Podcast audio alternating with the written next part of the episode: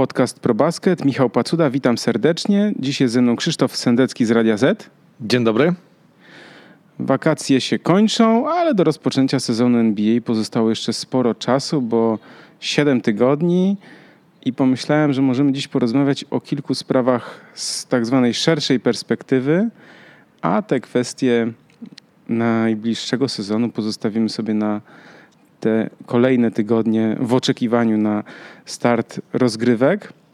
Chciałbym, żebyśmy zastanowili się, czy otwierając własną szkołę z bezpłatną edukacją i angażując się politycznie, LeBron James stał się najważniejszym sportowcem e, w Stanach Zjednoczonych, a może i na świecie.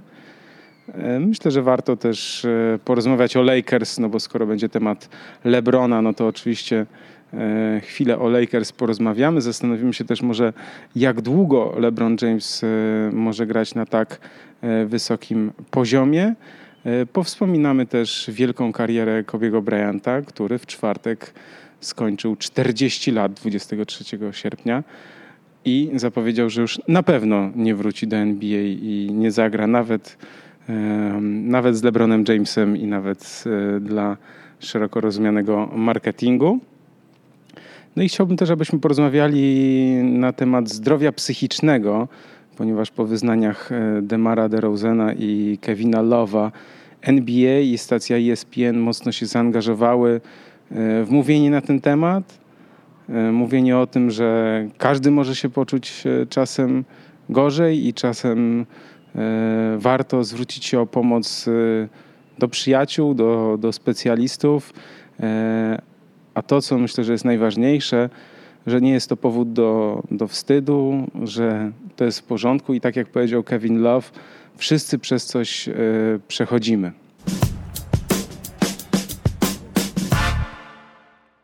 Zacznijmy od LeBrona Jamesa, którego fundacja otworzyła, zbudowała i otworzyła i będzie finansować e, szkołę. Ogromna inwestycja, e, ale też pokazanie światu, że LeBron James jest y, kimś więcej niż tylko sportowcem, który gra w koszykówkę, który sprzedaje buty, ale jeśli ma możliwość realnego wpływu na, e, na rzeczywistość, to właśnie to robi. I myślę, że ta szkoła jest tego dobrym przykładem. LeBron James otwierając tę szkołę powiedział, że to jest e, najwspanialszy moment w jego życiu i to mówi gość, który był e, mistrzem NBA, był mistrzem olimpijskim, na parkiecie jako koszykarz osiągnął wszystko, e, a on mówi, że to jest coś pięknego. Szkoła rzeczywiście zapewniająca dzieciakom Dzieciakom, które mają problemy, dzieciakom z okolicy mm, Akron, czyli rodzinnej miejscowości LeBrona Jamesa, naukę, rowery, o których wspominałeś, nawet kaski do rowerów, żeby było bezpiecznie. Wspierani będą tam, są już właściwie, ta szkoła wystartowała, rodzice tych dzieci, więc to jest tak naprawdę opieka dla całych rodzin po to, żeby mm, przynajmniej jakaś grupa dzieci, e, która do tej szkoły trafi, mogła za darmo i w dobrych warunkach e, skończyć sensowną edukację, pójść dalej w świat. No i co ja mam powiedzieć? To jest coś wspaniałego i to jest coś, co pokazuje, że e, LeBron James, myślę jeszcze paru innych sportowców na świecie, to nie są goście, którzy muszą słuchać dziennikarki telewizji Fox, która stwierdziła, że mają się zamknąć i zająć dryblowaniem, bo to nie jest tak, że LeBron James e, chce być ważny i wypowiada się na różne tematy niezwiązane ze sportem, chociażby polityczne, bo to jest też tak, i myślę, że on ma do tego prawo, że właśnie oprócz gadania dużo rzeczy robi. Jeśli ktoś buduje za swoje pieniądze e, szkołę dla dzieci, jeśli ktoś e, działa charytatywnie, e, jeśli ktoś e, jest człowiekiem, który, którego działalność na co dzień wykracza daleko poza boisko koszykarskie, no to ma pełne prawo też mówić o polityce, o sprawach społecznych, o problemach Stanów Zjednoczonych, bo to są też jego problemy i on jest akurat człowiekiem, który jakoś tam e, ze swojej perspektywy próbuje te problemy rozwiązywać. Więc e, ja nigdy fanatykiem LeBrona Jamesa nie byłem jako koszykarza, e, ale jako człowiek to co robi, to naprawdę duży szacun, podziwiam, bo myślę, że to jest człowiek, o którym możemy powiedzieć, jeśli chcecie dzieci i dorośli przykład sportowca, na którym się wzorować, no to LeBron James jest takim sportowcem. No, to, jest, to jest gość, na którym warto się wzorować. Powiedziałeś tutaj o tej wypowiedzi, to Laura Ingram ze stacji Fox News, e, sprzyjającej republikanom oczywiście, bo to, żeby była jasność, w Stanach Zjednoczonych jest e, podział na republikanów i demokratów. No i Laura Ingram zarzuciła Jamesowi, że nie tylko, że jest słabo wykształcony, ale też, że nie ma prawa się tak naprawdę wypowiadać na, na takie tematy polityczne, e, żeby nie oceniał prezydenta Trumpa i mm, żeby nie mówił na kogo kto ma głosować. No i ona użyła tych słów e, shut up and dribble, czyli e, zamknij się i kozłuj, czy graj w kosza.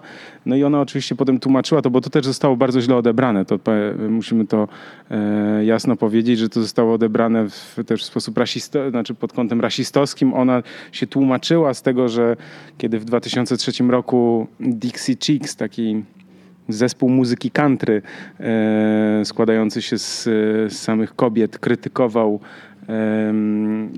politykę George'a Busha, no to ona tak samo, e, tak samo użyła takiego stwierdzenia shut up and, and sing, czyli zamknijcie się i śpiewajcie. No i tak samo też się odniosła e, do trenera Grego, Grega Popowicz. Teraz, kiedy te słowa zostały skierowane do, do czarnoskórego sportowca, to miało miejsce gdzieś pół roku temu, e, chyba nawet przy okazji meczu gwiazd gdzieś w tej okolicy. No i też to też wywołało taką dużą burzę. E, były właśnie te nawiązania do, do, do, do, zaangażowania politycznego Lebrona, bo poza tym, co on robi poza boiskiem, właśnie tak jak mówimy o tej szkole, o fundacji, o wspieraniu e, lokalnej społeczności, to jeszcze jest ta kwestia taka, że on rzeczywiście wystąpił na wiecu e, poparcia dla Hillary Clinton, jest e, przyjacielem wręcz z Barackiem Obamą, gdzieś to zaangażowanie polityczne z jego strony jest. No a jak pamiętamy, Michael Jordan może nie mówił, ale gdzieś to było tak już do niego, może on tego nawet nie powiedział wprost, czy nie powiedział tego głośno, ale, ale taka łatka do niego już została, mm, już z nim została, że, że, że on uważa, że zarówno republikanie, jak i demokraci kupują, e, kupują jego buty, dlatego on się nie będzie na ten temat wypowiadał. LeBron James widać, że ma to w głębokim poważaniu. E, czy czy, czy, czy republikanie będą kupować jego buty. I to jest też pytanie, na ile można sobie pozwolić, y, na ile on wychodzi spoza tych takich ram, z które został włożony, no bo wiadomo, że sportowiec, ale teraz on chce być kimś więcej, tak? Chce powiedzieć, e, pokazać tą budową tej szkoły, chce pokazać e, wszystkim, że, że on może więcej i że chce więcej i że jak ci się nie podoba, no to, to trudno, on nie będzie się tym przejmował, on dalej będzie to robił to, co jest dla niego ważne, czyli te wartości, jakie dla niego są najważniejsze, to on będzie je propagował bez względu na wszystko. No jest to pytanie o to, co LeBron James tak naprawdę chce robić po zawodowej karierze. Pytanie, no, może dosyć nowe, bo rzeczywiście do tej pory mieliśmy, mamy świetne przykłady sportowców, jak wspomniany Michael Jordan, który e, pokazał, że po zakończonej karierze można być znakomitym biznesmenem i miliony dolarów z parkietu e, zarobione i w czasie kariery z reklam pomnożyć kilka razy i w tej chwili jest już miliarderem. Michael Jordan, to o czym mówiłeś, słynna wypowiedź o butach, też niedawno była przecież historia, że Donald Trump na Twitterze skrytykował, powiedzmy, LeBrona Jamesa. E, coś tam wpisał, że woli generalnie Majka. Michael Jordan się do tego odniósł, ale tak się odniósł dosyć, powiedziałbym znowu, bardzo e, delikatnie i żeby nikogo nie urazić. Znaczy on powiedział, że wydał oświadczenie, w którym napisał, że wspiera działalność LeBrona Jamesa i to, co robi LeBron James jest wspaniałe, ale nie było tam odniesienia jakby do Donalda Trumpa i już jakby bawienia się w to, po której stronie Michael Jordan jest. No ale to są właśnie, mm, wiesz, wybory mm, poszczególnych wielkich ludzi, których e, słuchają e, tysiące e, kibiców na świecie, podziwiają tysiące i miliony i setki miliony, setki milionów kibiców na świecie. No i Michael Jordan wybrał taką drogę, że jednak, że jednak oczywiście tam politycznie zdarzało mu się działać, ale to nie są wielkie polityczne ruchy. LeBron James idzie w kierunku, którego tak naprawdę nie mieliśmy w aż tak e, wielkim zakresie. I, ja myślę, że jemu się może udać, nie wiem na ile on chce iść w politykę, a na ile chce być gościem, który gdzieś tam tylko e, będzie swoje zdanie wypowiadał i w ten sposób się w to włączał po zakończeniu kariery.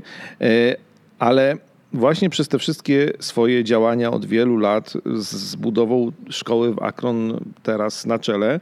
E, robi LeBron wszystko, żeby mieć legitymację do tego, żeby właśnie ludzie nie mówili, kim ty jesteś. Gościem, który umie tylko e, kozłować piłkę, to graj w kosza i, i tyle. I, I, nie będziemy cię słuchać, jeśli tu chodzi o sprawy polityczne. LeBron James robi, robi dużo, dużo e, więcej i jakby z tego, że to robi, może wynikać też dla wielu osób to, że warto go posłuchać e, nie tylko w momencie, kiedy e, mówi o edukacji, budując szkołę, ale też kiedy mówi o edukacji na przykład e, w perspektywie całej Ameryki i co na przykład Donald Trump w tej sprawie robi albo nie robi, albo robi źle, albo niekoniecznie Donald Trump, tylko amerykański rząd. Więc to jest moim zdaniem nowa droga, bo ja już nie chcę tam, oczywiście zdarzają się przykłady, nie wiem, Denisa Rodmana, który też na swój sposób w politykę się miesza, ale to jest przy tym dosyć raczej historia śmieszna.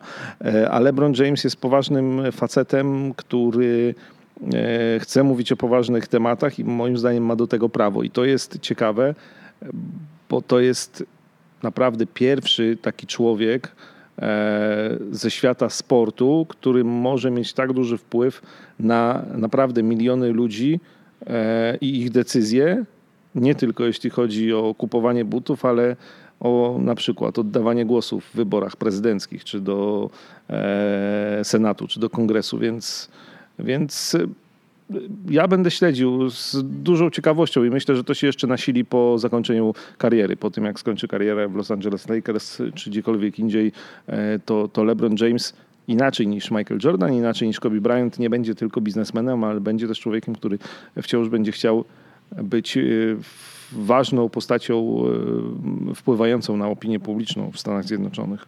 Mnie zastanawia jedna rzecz w kontekście Lebrona i jego zaangażowania y, w politykę, aczkolwiek ja mi się wydaje, że to jest kwestia rozmowy o wartościach. To znaczy, że gdyby nie było takiej potrzeby, to on by to on by się w tę dyskusję nie angażował, nie krytykowałby obecnego prezydenta Stanów Zjednoczonych, że sytuacja wydaje się być podobna w tym kontekście, że, że budzi duży sprzeciw, że, że coś jest nie w porządku, że coś jest nie tak z sytuacją sportowców y, czarnoskórych w latach 60., w latach 70., do czasów Martina Luthera Kinga, dla którego wartości, równouprawnienie, demokracja, równość były najważniejsze. I w momencie, kiedy, kiedy, te, kiedy te wartości zaczynają być zachwiane, to odzywają się głosy sprzeciwu. I takim myślę, że głosem sprzeciwu jest e, głos LeBrona Jamesa. Głosem sprzeciwu wobec e, nie tylko polityki,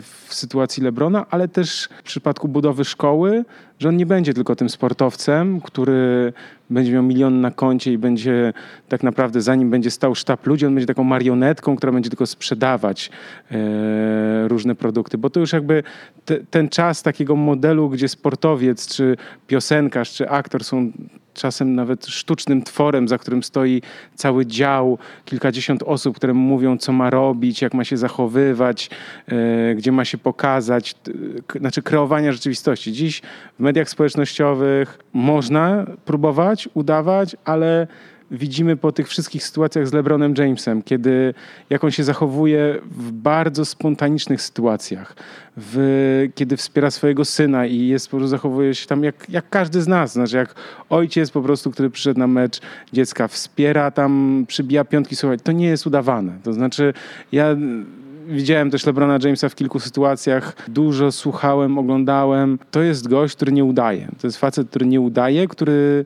który tak się zachowuje, bo, bo uważa, że tak jest w porządku i tak, i tak powinien się e, zachowywać. I teraz jest ciekawe to, że właśnie ten głos sprzeciwu wobec takiego, no też takich utartych, nazwijmy to, schematów, tak? To znaczy, że zarabiajmy pieniądze tylko, tak? Znaczy to jest trochę ten wyścig tego kapitalizmu, w sensie oni, sportowcy w, w Ameryce mogą też chcieć pokazać, wiecie co, okej, okay ale to, czy mamy 100 czy 110 milionów dolarów, to to nie jest najważniejsze.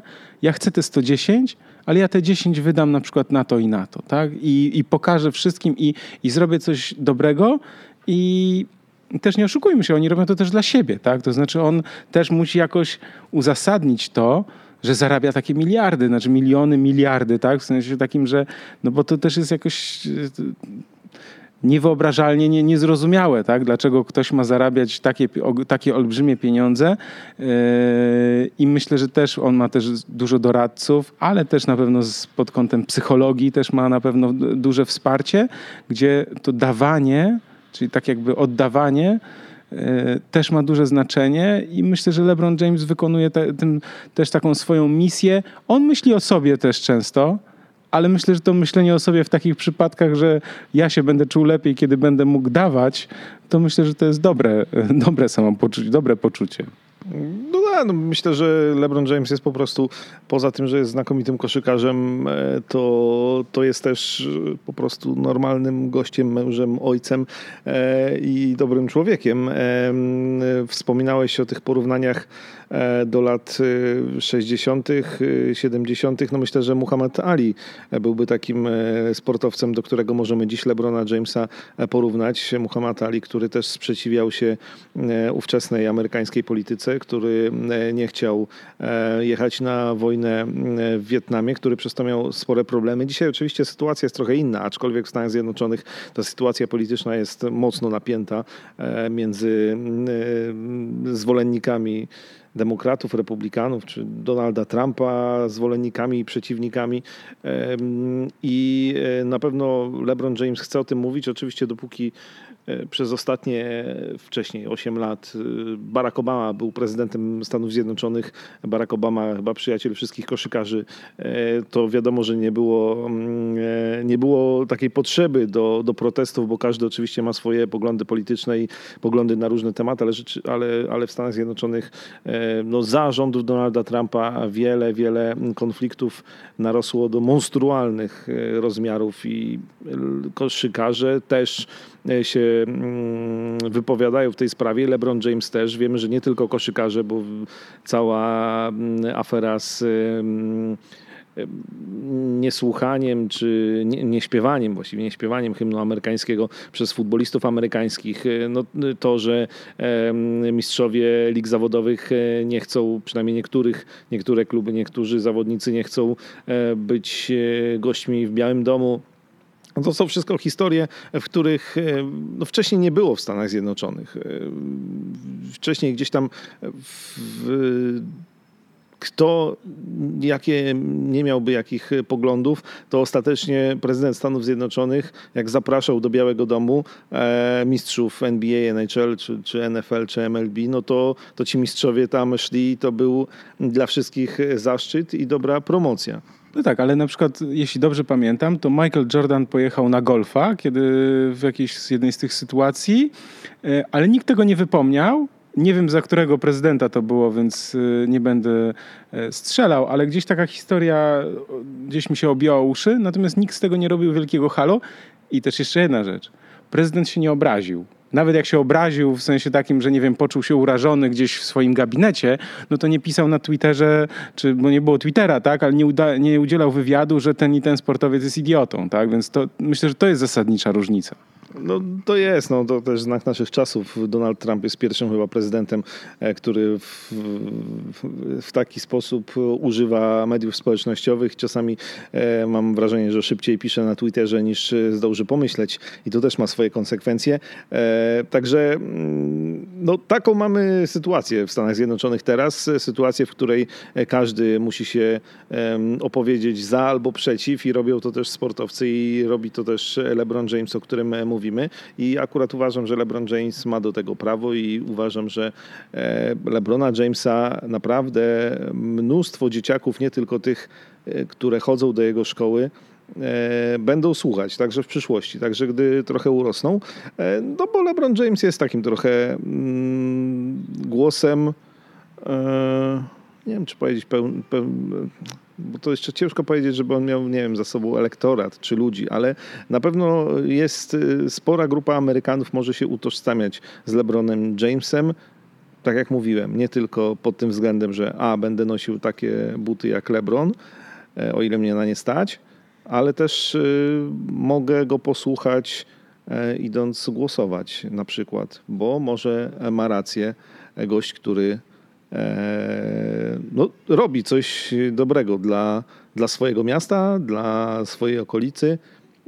Także no, mi się generalnie to podoba. Oczywiście to wynika z czasów i z sytuacji, jaka się zadziała w Stanach Zjednoczonych, e, ale LeBron James wypowiadający się na tematy polityczne, ja nie mam z tym problemu. Jak dla mnie, niech mówi i dopóki mówi mądrze, to, to mogę go słuchać albo nie, a jeszcze bardziej mogą go słuchać albo nie rzesze Amerykanów i, i jest spoko.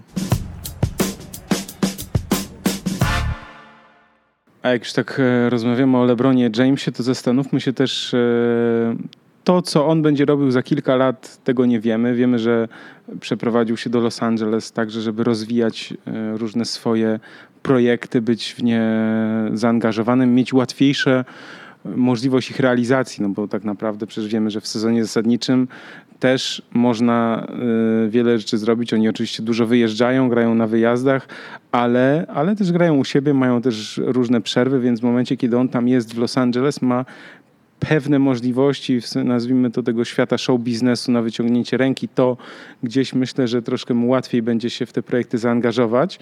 Natomiast ja się tak zastanawiam nad jedną rzeczą, ponieważ e, LeBron James e, w grudniu będzie miał 34 e, urodziny. To jest człowiek, którego ja już wielokrotnie nazwałem tutaj w naszym podcaście robokopem, a, a to dlatego, że on ma ponad 2 metry wzrostu, waży 115, może 120 kg. Jest... Yy, sprawność jego fizyczna przypomina raczej e, smukłego lekkoatletę o wzroście 1,80 m niż, niż, e, niż takiego olbrzyma. I stąd ta jego przewaga też na, nad, nad, nad wszystkimi tak naprawdę, bo chodzi o tą fizyczność, o tą siłę, o tę sprawność, o te umiejętności, e, jakie posiada. Ale bardzo ważna rzecz, on nigdy nie miał e, poważnej kontuzji. Skręcenia kostki, to, to, są, to się przydarzają każdemu, ale nigdy zerwane więzadło, nie wiem, poważne urazy kręgosłupa, czy, czy zerwane, naderwane mięśnie i tak dalej. Nigdy tego nie miał. On wydaje podobno milion czy półtora miliona dolarów na, na dietę, na jakieś odżywki, na specjalne rehabilitacje, tam takie wzmacniające organizm.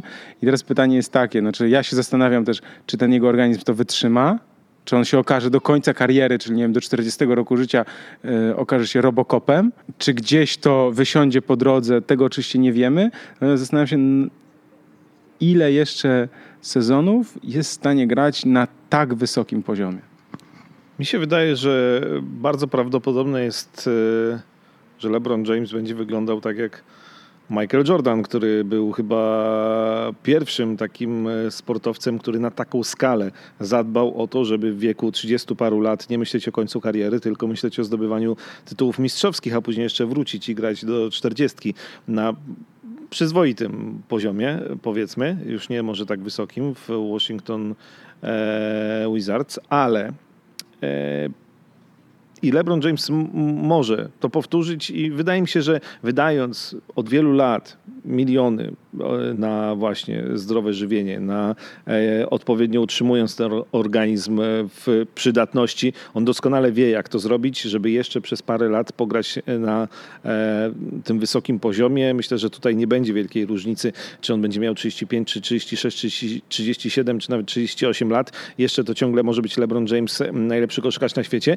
Jedyne E, co, czego ja się obawiam i czego może obawiać się LeBron James, e, to, że przytrafi mu się jakaś poważna kontuzja. Bo jeśli jemu okay, mogą się zdarzać, e, tak jak mówisz, drobne, drobne rzeczy, typu tam, nie wiem, skręcenie kostki, podkręcenie czegoś tam, nadgarstek i tak dalej, kontuzje, po których wróci po kilku, kilkunastu meczach, Gorzej, jeśli przydarzy mu się coś na tyle poważnego, nie wiem, z kolanem, z, z ścięgnem Achillesa, no to, to z takimi e, częściami ciała, które sprawią, że on nie będzie mógł grać na przykład przez cały sezon, tak? albo pół sezonu i później jakiś tam powrót do zdrowia jeszcze. E, no to jest niebezpieczne, dlatego że, że jednak, e, co byśmy nie mówili, no to tych lat do końca kariery za wiele mu nie zostało. Więc tutaj e, jestem spokojny o jego zdrowie, ale jeśli, nie daj Boże, przytrafi się jakaś poważna kontuzja wykluczająca go na dłużej, no to każda taka kontuzja no naprawdę skraca mu tą karierę w tej chwili, e, no nie wiem, no jeśli o sezon, no to właściwie o jedną czwartą na przykład, e, no bo, no bo jakby ten LeBron James się dobrze nie, nie trzymał, to, e, to jednak, jednak gdzieś tam na horyzoncie już koniec kariery widać. No właśnie, dla formalności tylko dodam, to będzie jego szesnasty sezon e, teraz e, w NBA. E, no a w playoffach sprawdziłem specjalnie 239 spotkań, a więc trzy sezony prawie, prawie trzy sezony więcej, jakbyśmy do tego, to, do tego dołożyli. Przy jeszcze, tylko dodam jeszcze, że przy średniej minut w sezonie 39, a w playoffach 42 minuty na mecz to w Europie żaden koszykarz tyle nie gra, bo tyle mecze nie trwają. E, więc e, no, LeBron James to jest Robocop, to jest gość, który oczywiście pewnie mm, trzeba mieć trochę mm, się takim urodzić i, i mieć takie zdrowie i taki organizm, mm, który jest w stanie e, to wszystko wytrzymać. E, do tego trzeba odpowiednio zadbać. No, są ewenementy w świecie sportu i znamy je doskonale i nie wiem, Usain Bolt był takim ewenementem, jeśli chodzi o sprinty na przykład. Michael Phelps o pływanie, a LeBron James jest, jest koszykarzem i co, znowu Michaela Jordana będziemy z czym innym e, cytować. E, timing jest wszystkim, tak? No to e, trzeba trafić z odpowiednią formą, z odpowiednim zdrowiem, z odpowiednimi doradcami, trenerami i na odpowiednie rzeczy wydawać pieniądze i odpowiednich złych rzeczy się wyzbywać, żeby wszystko zagrało. No i u LeBrona Jamesa na razie wszystko gra, może oprócz tego, że Golden State Warriors istnieje na zachodzie, bo, bo gdyby nie istniało, to może miałby jeszcze więcej tytułów mistrzowskich niż ma. No tak, a jeśli pomyślimy o tym najbliższym sezonie, yy, znaczy to, co mówi nasz serdeczny przyjaciel Michał Owczarek, którego pozdrawiamy, że w Los Angeles Lakers no, po podpisaniu Rajana Rondo, yy, Lansa Stevensona i Javela McGee że tam jest po prostu psychiatryk. Ale jest jedna rzecz, która mnie zastanawia i to jest dla mnie niezrozumiałe. LeBron James musiał dać błogosławieństwo do tych transferów. I teraz ja mam, taką, mam takie jedno pytanie. Chłopie, o czym ty żeś myślał? Ja nie, ja nie wiem, ja nie wiem, jak wyglądała rozmowa z Magiciem Johnsonem na przykład. E, nie, powiem ci, no nie wiemy dokładnie, jak to, jak to wyglądało. Też to już rozmawialiśmy trochę o Lakers w poprzednim odcinku, e, właśnie mówiąc, że to bomba z opóźnionym zapłonem, ale też o tym, że możliwe, że w kolejnych oknach transferowych e, część tych zawodników się z Lakers pożegna, że to jest na razie taka zbieranina, która przyda się też później w robieniu odpowiednich wymian, bo to chyba nie jest jest jeszcze drużyna, która będzie walczyć o mistrzostwo w tym sezonie. Aczkolwiek ostatnio też trafiłem na taką dyskusję na Twitterze, e, ile mistrzostw NBA z Lakers musi LeBron James zdobyć, żeby zasłużyć na pomnik pod Staples Center, bo wiemy, że tam pomniki największych gwiazd e, Lakers stoją. E, no i właśnie, no to jest też ciekawe, czy, czy obok Magica Johnsona, Jerego Westa, nie wiem, Kobiego Bryanta i tak dalej, stanie też pomnik LeBrona Jamesa. No, no, czy on zdobędzie. Ja szczerze powiem, nie wiem. Znaczy, ja wiem, że plan jest taki, żeby e, LeBron James zdobył z Lakers i myślę mistrzostwo i myślę, że Magic Johnson i władze Lakers zrobią wszystko, żeby mu to mm, ułatwić. E, ale zakładając, że, że LeBron będzie zdrowy, czy to się wydarzy w ciągu w ciągu sezonu tego pierwszego nie. Jeśli wszystko dobrze pójdzie, jeśli chodzi o transfery i tak dalej, no to może, może ten drugi sezon, ale to też jest ciekawe, na ile, na ile Lakers, jakkolwiek ten skład nie byłby mocny, będą w stanie powalczyć chociażby z Golden State Warriors. I, i, i też no, dużo będzie zależeć od tego też, co się będzie działo w innych drużynach, także w Golden State Warriors. Jeśli chodzi o transfery, duża niewiadoma jak na razie. Ja wiem, jaki jest plan, jest duża niewiadoma. I jeszcze jedno chciałem powiedzieć.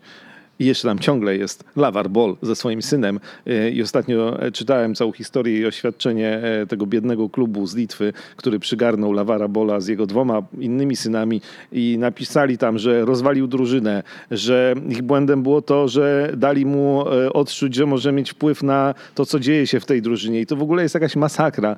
I dopóki będzie tam Lonzo Ball ze swoim ojcem, ja tego nie widzę. Znaczy Lonzo Ball, ja nie mam nic do tego chłopaka, ale, mm, ale to nie, no tam za, za dużo jest. LeBron James ok, Magic Johnson ok, gdzieś tam Kobe Bryant w tle jako mąż opatrznościowy całej tej imprezy, ale e, wszyscy pozostali uczestnicy na razie tego wszystkiego, co się dzieje w Lakers, to jest ua, grubo. Tak, ja się zastanawiam nad jedną rzeczą. Dobierając ten skład, LeBron James, jaką ma, jaki ma pomysł na siebie i jak Luke Walton też go będzie ustawiał. Mi się wydaje, że, że może nastąpić taki troszkę zejście LeBrona Jamesa na, nagranie tą niższą piątką, ten small ball, gdzie, gdzie może się okazać, że on będzie grał na piątce nawet, w sensie na centrze. I może on też patrzył pod tym kątem. On uważa, że Lonzo Ball jest, ma wysokie te koszykarskie IQ, okej, okay, fajnie, tylko że po pierwsze ma problemy ze zdrowiem, znaczy jest bardzo słaby fizycznie, po drugie nie trafia do kosza, więc to jest taki zasadniczy problem. Kyle Kuzma jest, oczywiście ma ogromny potencjał. Brandon Ingram jest tam tym zawodnikiem, który naprawdę poczynił ogromne postępy i może poczynić jeszcze większe, natomiast to jest taka na chwilę obecną w Lakers no dosyć eksperymentalna, nazwijmy to drużyna, mówiąc wprost. Mi się wydaje, że tam koncepcja jest taka, że dlaczego latem nie, do, nie doszło do transferu z udziałem tych właśnie tych zawodników, mówię Ball, Kuzma, Ingram. Wydaje mi się, że LeBron mógł powiedzieć, słuchajcie, zaczekajcie, zobaczymy, co się wydarzy. Dajemy sobie i tak rok, i tak przez ten rok nikt nie uważa, że my tutaj coś zwojujemy. I wydaje mi się, że oni chcą sobie dać te dwa, trzy miesiące na to, żeby zobaczyć, żeby się poprzyglądać. LeBron też wtedy oceni co, kto, gdzie i jak i zaczną się ruchy, bo pamiętajmy też o jednej rzeczy, że jeśli Kawhi Leonard miałby przyjść do Lakers, jeśli Jimmy Butler miałby przyjść do Lakers, mówimy o wolnych agentach tak zwanych, tak?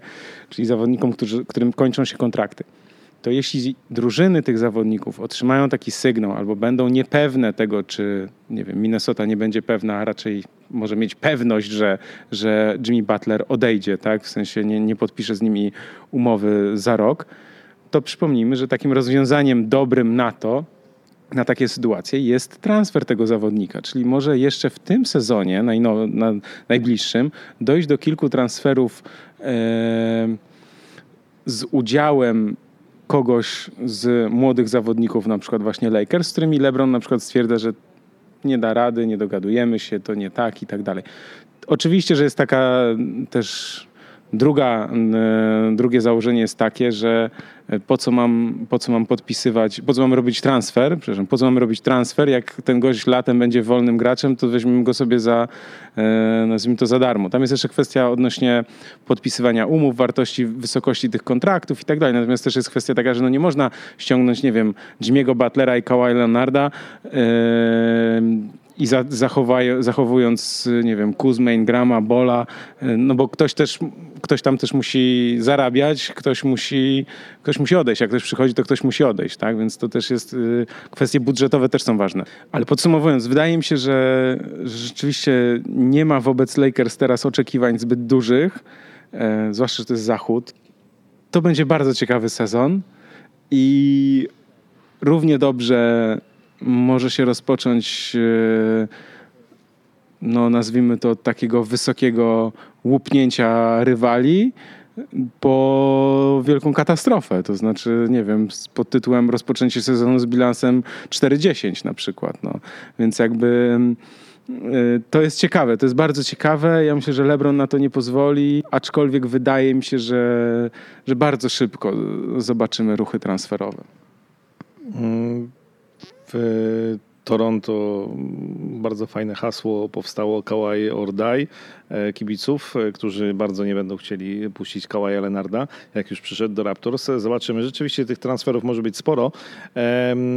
I tak sobie też myślę, teraz pomyślałem też, jak, jak zacząłeś mówić, że to w pierwszym sezonie no pewnie o walce o mistrzostwo nie będzie mowy, ale też tak sobie myślę, że w sumie, tak mówimy LeBron, LeBron, gwarancja e, no tego, że drużyna w tym wypadku Lakers będzie grała na poziomie gdzieś tam okolice finału konferencji e, w jakiejś perspektywie, ale pomyślałem sobie, kurde, a może będzie tak jak z ostatnimi dwoma latami Kobiego Bryanta i to się tak może wydarzyć, że wydali kupę kasy, e, żeby jeszcze Kobi ostatni taniec zatańczył, a Kobi się rozsypał i wszystko się rozsypało i były stracone dwa, tak naprawdę więcej lat przez Lakers.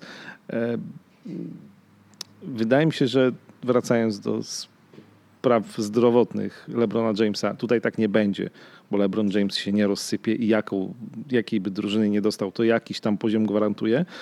E, ale ja jestem ciekaw i wcale nie jestem przekonany, że to jak wszystko będzie bezboleśnie wychodziło. Bardzo, bardzo dużo zależy od tego, jakie będą e, transfery w najbliższych miesiącach w Lakers i też y, w ogóle w całej lidze, szczególnie na zachodzie. No dobra, a jeśli mam, rozmawiamy o tym sezonie, nie wiemy, czy będą oddawać Bola, Kuzma Ingrama w trakcie sezonu. To oczywiście nie wiemy tego. Patrzymy na ten sezon, pierwszy sezon z Lansem Stevensonem i z Rajanem Rondo. Teraz pytanie jest takie. Co, jaki wynik będzie dla Lakers, nazwijmy to satysfakcjonujący, takim, że ok, jaki będzie poniżej oczekiwań, czyli będzie porażką, a co będzie sukcesem? Wiadomo, że Mistrzostwo NBA będzie sukcesem, no ale nie oszukujmy się, finał konferencji zachodniej też będzie sukcesem, tak? Teraz pytanie jest takie, gdzie jest ten poziom minimum, jaki oni powinni spełnić, Twoim zdaniem? No właśnie, problem jest taki, że z LeBronem Jamesem to poziom minimum to jest taki, hmm, który wiesz, nie do końca patrzymy na drużynę, a patrzymy na LeBrona Jamesa. Bo skoro on z Cleveland grał e, w kolejnych finałach NBA, no to dlaczego miałby z Lakers nie zagrać? No oczywiście wiemy, że Zachód jest o wiele mocniejszy.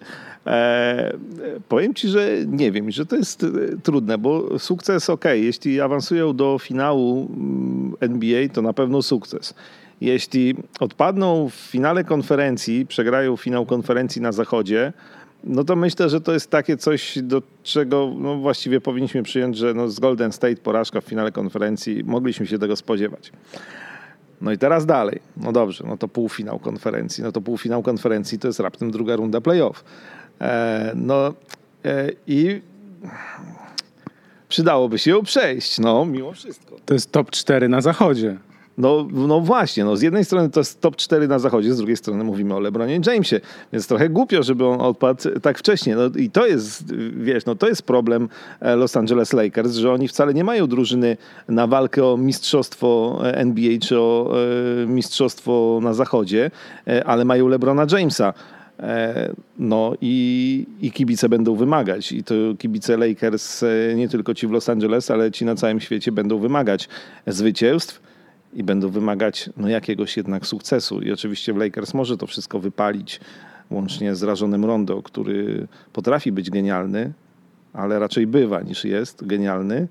Eee, a może to wszystko się posypać bardzo szybko, bo tak jak wspominaliśmy, właściwie połowa tego składu to są zawodnicy, którzy mogą rozwalić szatnię od środka i, i nic z tego nie wyjść. Eee, a najbardziej prawdopodobny scenariusz jest taki, że gdzieś tam to no, w okolicach tego półfinału konferencji się zatrzyma, i, a w trakcie będzie ta drużyna tak naprawdę przebudowywana, zanim jeszcze playoffy się zaczną. Y, nie wiem, strasznie ciężkie zadanie, ale ciekaw jestem, czy LeBron James wie coś na ten temat więcej. Znaczy, y, ile on z Magiciem Johnsonem i z władzami Lakers ustalił y, albo co dało się ustalić do przodu. Znaczy, czy, czego on się, to, to jest ciekawe, czego LeBron James się tak naprawdę spodziewa po tej drużynie. On na pewno wie od nas wie, dużo więcej, e, co tam się może wydarzyć i jakie są scenariusze możliwe. E, no a my to co, no nam zostaje trochę, tak wiesz, przyglądać się temu i patrzeć, co się wydarzy. Jeśli myślimy o minimum, to ja myślę, że minimum to jest awans do, do playoffów, oczywiście. No i teraz jest pytanie takie. Pierwsza runda playoffów. Myślę, że jak odpadną w pierwszej rundzie, bez względu na to, które miejsce zajmą, to to będzie odebrane jako, e, jako porażkę, jako coś poniżej oczekiwań.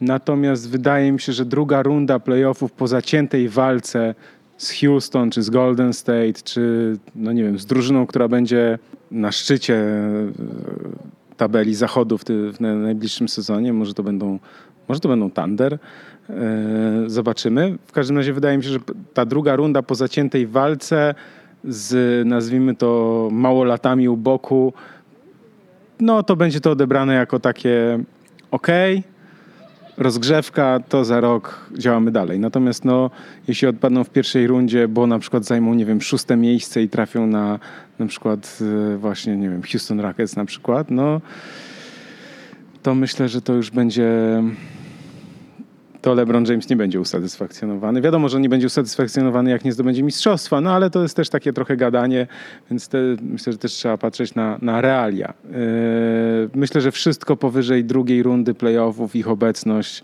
to będzie ogromny sukces i poza fanami Lakers to chyba mało osób w to, w to wierzy w tej chwili. Mimo, że tak jak mówisz, tam jest LeBron James, ja wiem, LeBron James, LeBron James, ale LeBron James też pamiętajmy, że on ze słabym składem często, czy z kontuzjami swoich kolegów, tak, on potrafił awansować na słabym wschodzie do finału, a to jest bardzo duża różnica, bo jednak te drużyny na wschodzie przez ostatnie lata mocno odbiegały, jeśli spojrzymy na ich ilość, na pięć drużyn, yy, mocno odbiegały. Ta siła tej konferencji była, była dużo niższa niż, niż konferencji zachodniej. To podsumowując dyskusję, nie polecamy e, stawiać pieniędzy na Lakers w tym sezonie, bo nie jesteśmy w stanie powiedzieć, jak to będzie wyglądało. Ja też biorę pod uwagę taki scenariusz, że na przykład w Lakers wszystko nie wypali, albo prawie wszystko i się nie załapią do playoffów, albo wejdą e, na przykład na ósmym miejscu, bo ten zachód jest naprawdę mocny i nieobliczalny e, i to też się może wydarzyć i to dopiero będzie problem.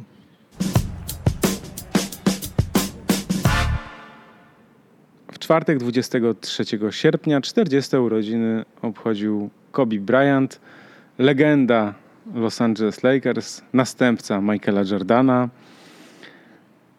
Niestety Kobe zapowiedział, że nawet jakbyśmy go bardzo długo prosili i wysyłali e, specjalne bilety, pielgrzymkę, gdyby nawet się tam odbyła, to niestety. No ale już nie zagra, nie wróci na parkiet wielka szkoda, ale myślę też, że, że tego można było się spodziewać i, i nie ma co i nie ma co żałować.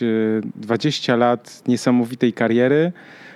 E, ja mam tylko takie poczucie, że no, pamiętam jego pierwszy sezon i to był gdzieś taki, no nazwijmy to początek tego takiego świadomego interesowania się NBA, no bo mieliśmy wtedy gdzieś tam po 15 lat.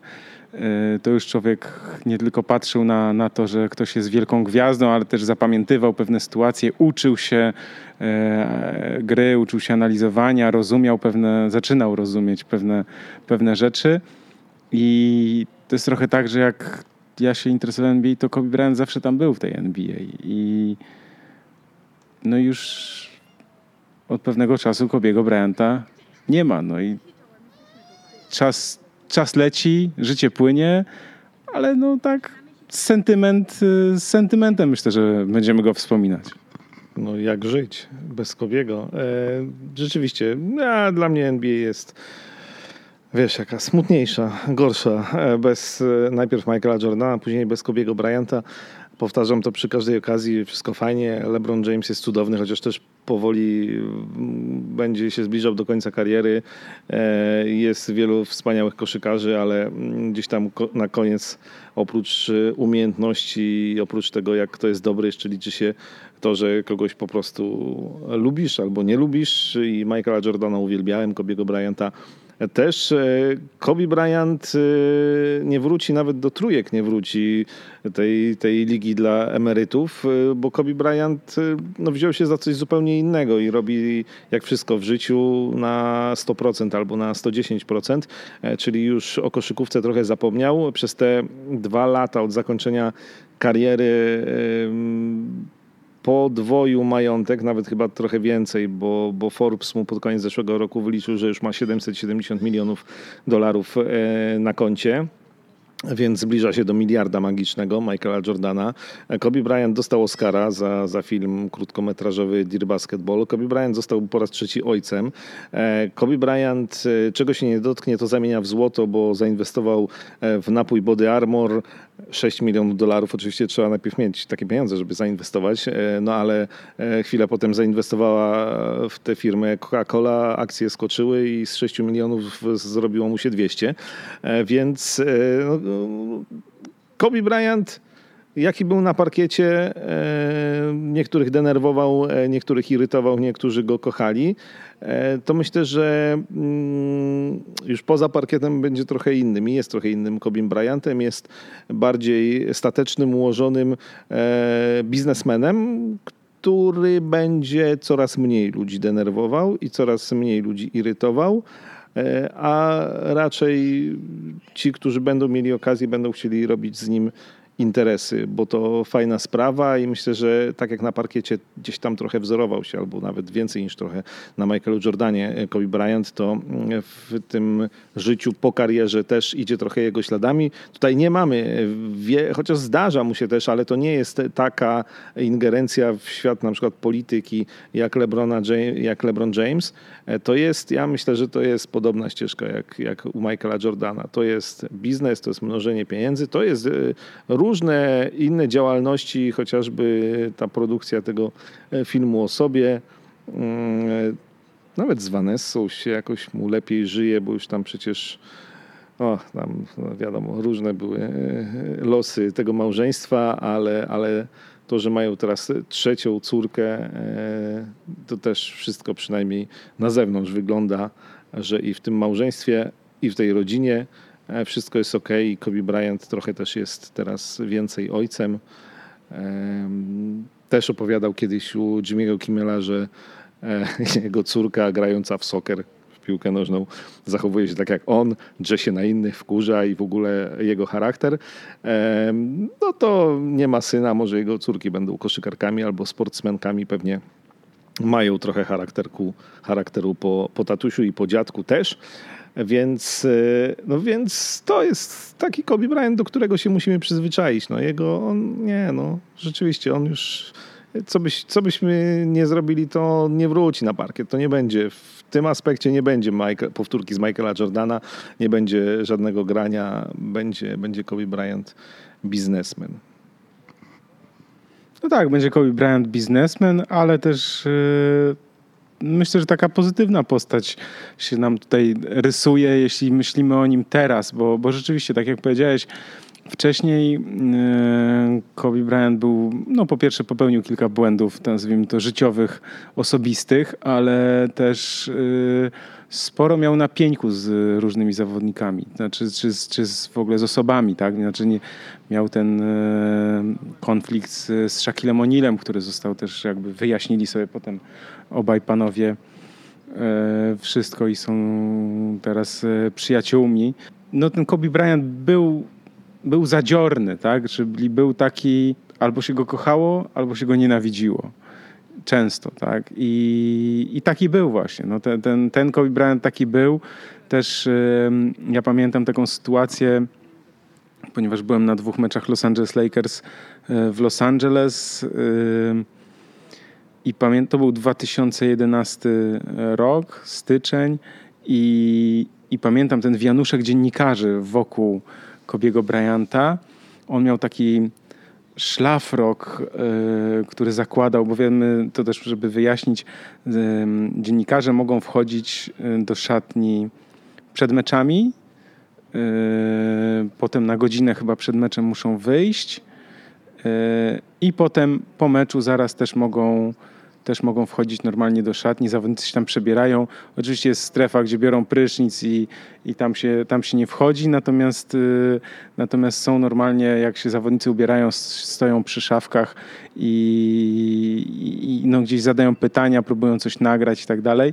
Natomiast no, ja pamiętam, Kobe Bryant zakładał ten taki, to był szlafrok, tylko że to było tak tak bardzo taki gru, taka gruba szata, nazwijmy to, z, yy, z wyhaftowanym Black Mamba chyba i numerem 24 i i to wyglądało dosyć zabawnie, dlatego że no, on wyglądał jak król, któremu brakowało tylko berła i korony. I, I też taki nos w górze bardzo przez niego zadarty i te takie czasem no, takie zdawkowe odpowiedzi. Natomiast no, yy, wepchnięcie ręki z dyktafonem graniczyło z cudem. Więc jak mi ktoś mówi, że tam tak, tak, mam wywiad z Kobe Bryantem, czy tam, nie wiem, ktoś przeprowadził, albo rozmawiałem z nim po meczu i tak dalej, no to, no to ja powiem tak, znaczy rozmawiałeś, jeśli byłeś na meczu w Milwaukee, albo w Detroit, albo e, Phoenix, nie wiem, w mniejszej miejscowości, to owszem, ktoś mógł mu tam zadać ze dwa, trzy, trzy pytania po meczu.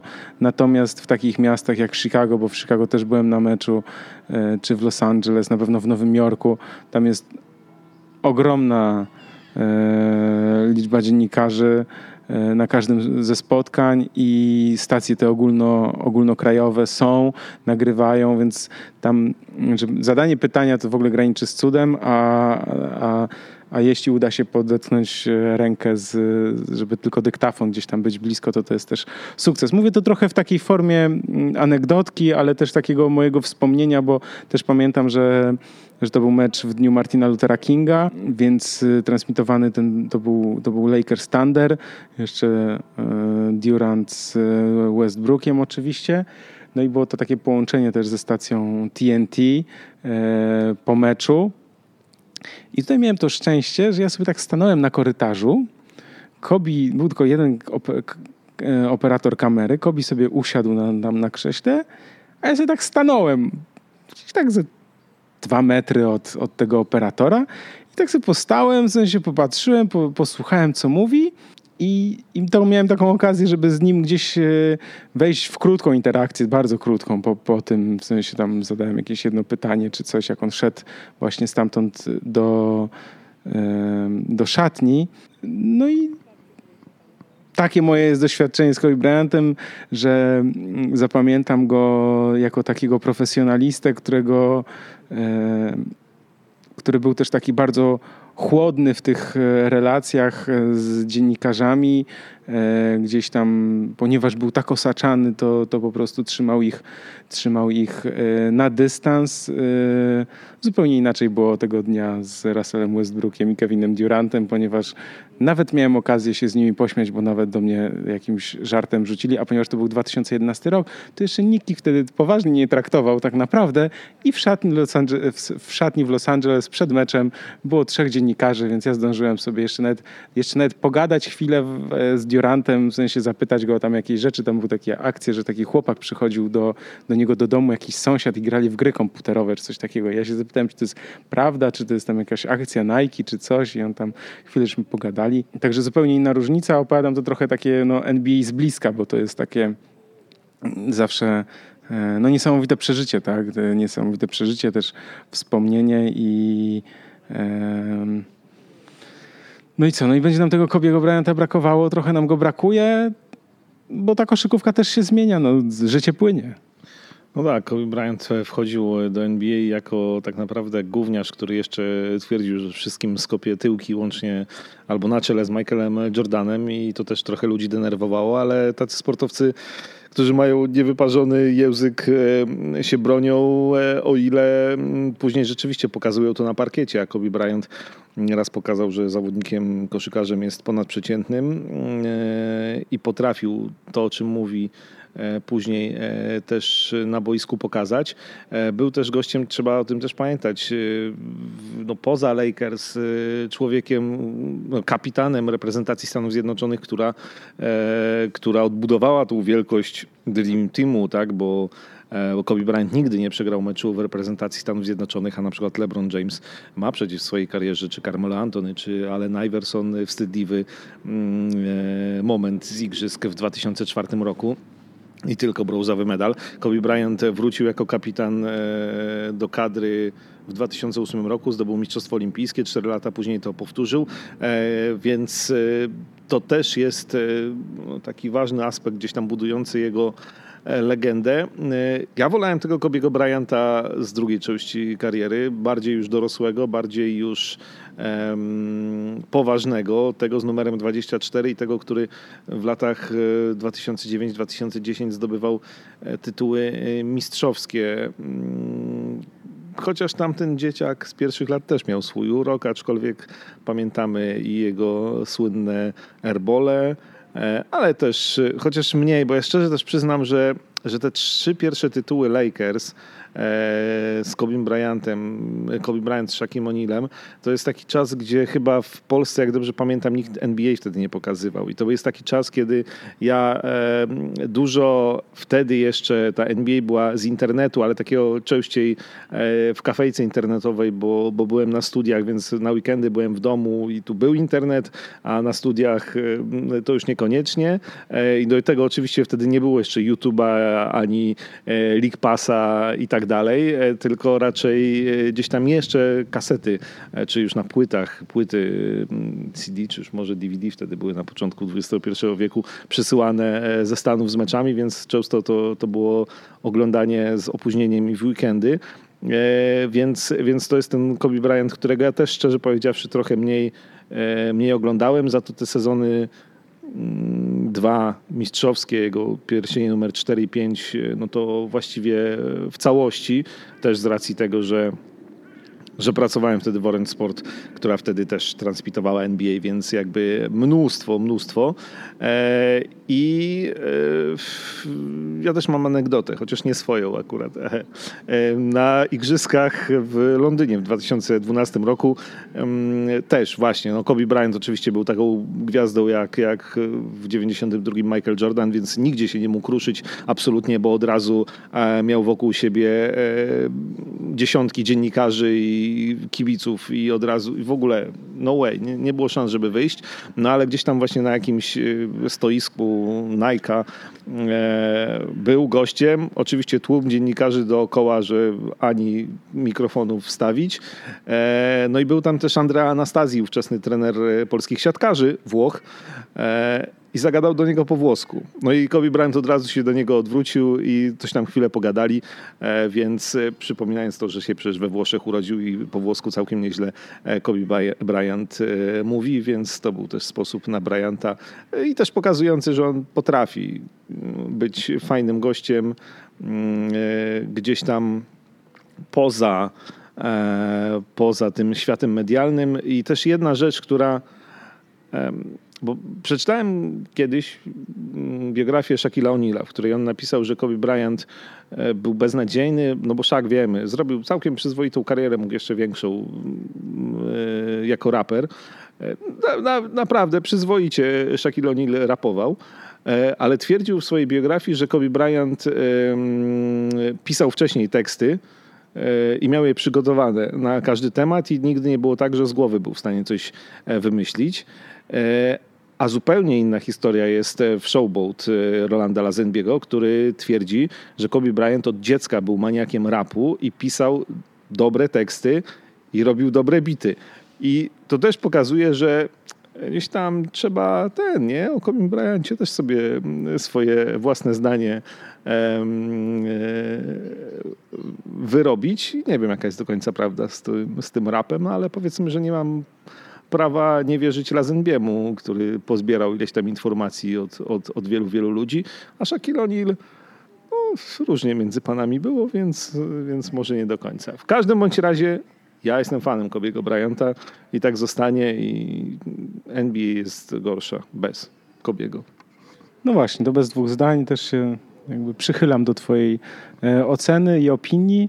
E, ja tylko jeszcze się tak zastanawiam nad jedną rzeczą, na ile Kobe Bryant, ponieważ dorastał i e, no, jego kariera w bardzo dużej mierze, dużej części była poza tymi mediami społecznościowymi, to na ile pewne cechy, które nam się na przykład wydają, albo które na przykład mi się wydają, bo tak zaobserwowałem podczas pewnych, nie wiem, możliwości obejrzenia go przez chwilę, prawda, i tak dalej, na ile to są wykreowane rzeczy, takie tak zwane maska takiego, no, że on kreował siebie na, na kogoś tam, A czy teraz tak naprawdę, no wiadomo, też dojrzał, do, dorósł, jest zupełnie inny. Ja bardzo lubię teraz te wywiady z nim, czy coś. On jest uśmiechnięty, szczęśliwy, w sensie pogodzony z tym wszystkim, tak? W sensie z przemijaniem, no, że już nie gra. Jest, on jest teraz naprawdę szczęśliwy, w sensie to, jest, to, to widać, tak? To, to, to się czuje.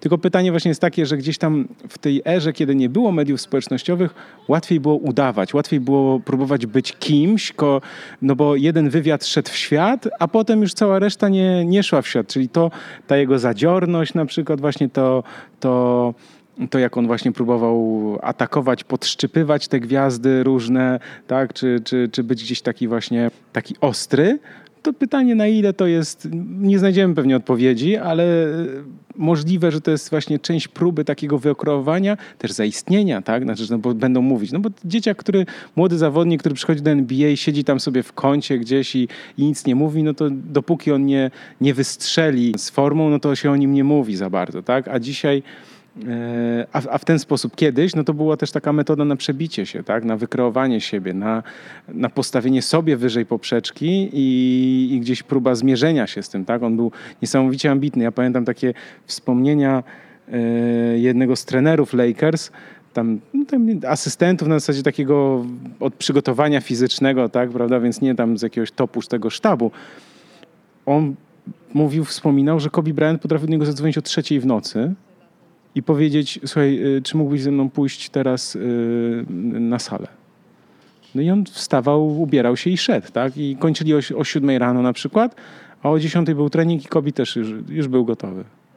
To są takie wspomnienia, w sensie, znaczy, jeśli one są prawdziwe, a nie ma powodu, żeby gdzieś tam, no, oczywiście można trochę koloryzować, ale to jest, chodzi mi o pokazanie jego mentalności, tej takiej zawziętości, to o czym mówił Ray Allen, obsesja, tak? Czyli to też gdzieś tam na, na pograniczu, nazwijmy tego zdrowia psychicznego, zdro, yy, że to jest zdrowe, tak? że to jest obsesja. Tak? Znaczy Ray Allen też, też mówi, że no on nie imprezował za bardzo, no bo on zajmował się koszykówką, on grał w kosza i on doprowadził do perfekcji pewne swoje, nazwijmy to, co potem były atutami, tak, doprowadził to do perfekcji dzięki treningowi, tak, to, zresztą to wszyscy powtarzają, tak, w sensie wszyscy wielcy powtarzają, że oczywiście talent to jest, tak, tak, oczywiście, natomiast no, to jest jeszcze setki godzin, czy tysiące godzin w, w sali e, gimnastycznej, nazwijmy to w sensie w hali, czy, czy, czy gdzieś w tych e, na siłowni i tak dalej. Więc to jest też ciekawe pytanie odnośnie Kobiego Bryanta. Nie wiemy, jak było wcześniej, w sensie mógł być no, młodym gdzieś tam e, takim trochę nieokrzesanym e, młodym człowiekiem, gdzieś trochę bufonem. Natomiast e, ten obecny Kobe Bryant myślę, że też jest sympatyczny, że da się go bardzo lubić, da się go posłuchać i, i to jest przyjemność, znaczy słuchanie go teraz, tego wspomnienia, to, to jak teraz się realizuje. Także myślę, że po tym zakończeniu kariery też bardzo pozytywny, bardzo pozytywny aspekt, że się też nie zamyka na, na świat, gdzieś nie uciekł, nie schował się, tylko jest, jest zaangażowany. Nie chcę oczywiście żadnej, żadnego etatu w Lakers, bo po co mu to? No jest dobrze tak, jak jest. Myślę w sensie dla niego i, i dla jego kibiców również. No z tych opowieści o treningach to jeszcze jest ta słynna anegdota, kiedy on się umówił też z trenerem na następny dzień na piątą i zapukał do niego o piątej rano e, na trening i jak cytowałem e, biografię Szaka, e, to też jakby potwierdzając twoje słowa, Szak też o tym pisze, że kiedy by nie przyszedł na salę treningową Lakers, Kobe Bryant zawsze tam był. E, przed treningiem, po treningu obojętne, więc y, absolutnie no, tytan pracy, to, to wiemy. To człowiek, który koszykówka i tyle, i nic innego nie istniało, więc y, to go doprowadziło na sam szczyt. Ale dobrze i fajnie, że, że no tak przynajmniej wygląda, że dosyć łatwo przeszedł y, do tego normalnego życia, nazwijmy to Kobe Bryant. Oczywiście ono nigdy nie będzie normalne do końca, jak się ma tyle milionów na koncie, ale e, wiemy, że wielu sportowców ma z tym problem, żeby po zakończeniu kariery, nie wiem, rachunki zapłacić, tak, albo e, przeorganizować sobie dzień, w którym były głównie treningi. Kobe Bryant na razie takich problemów nie ma, wziął się za inne rzeczy i po prostu je robi, więc to też jest pod tym względem fajny przykład e, dla innych sportowców, jak sobie w życiu, po życiu sportowym poradzić. No i niebawem wychodzi jego biografia, autobiografia. chociaż po tytule sądzę, że chyba bardziej E, instrukcja właśnie jak podchodzić, nie wiem, do życia, do sportu po, po, po, od strony tej mentalnej, e, bo to jest Mamba Mentality How I Play, więc y, zobaczymy, co on tam napisze.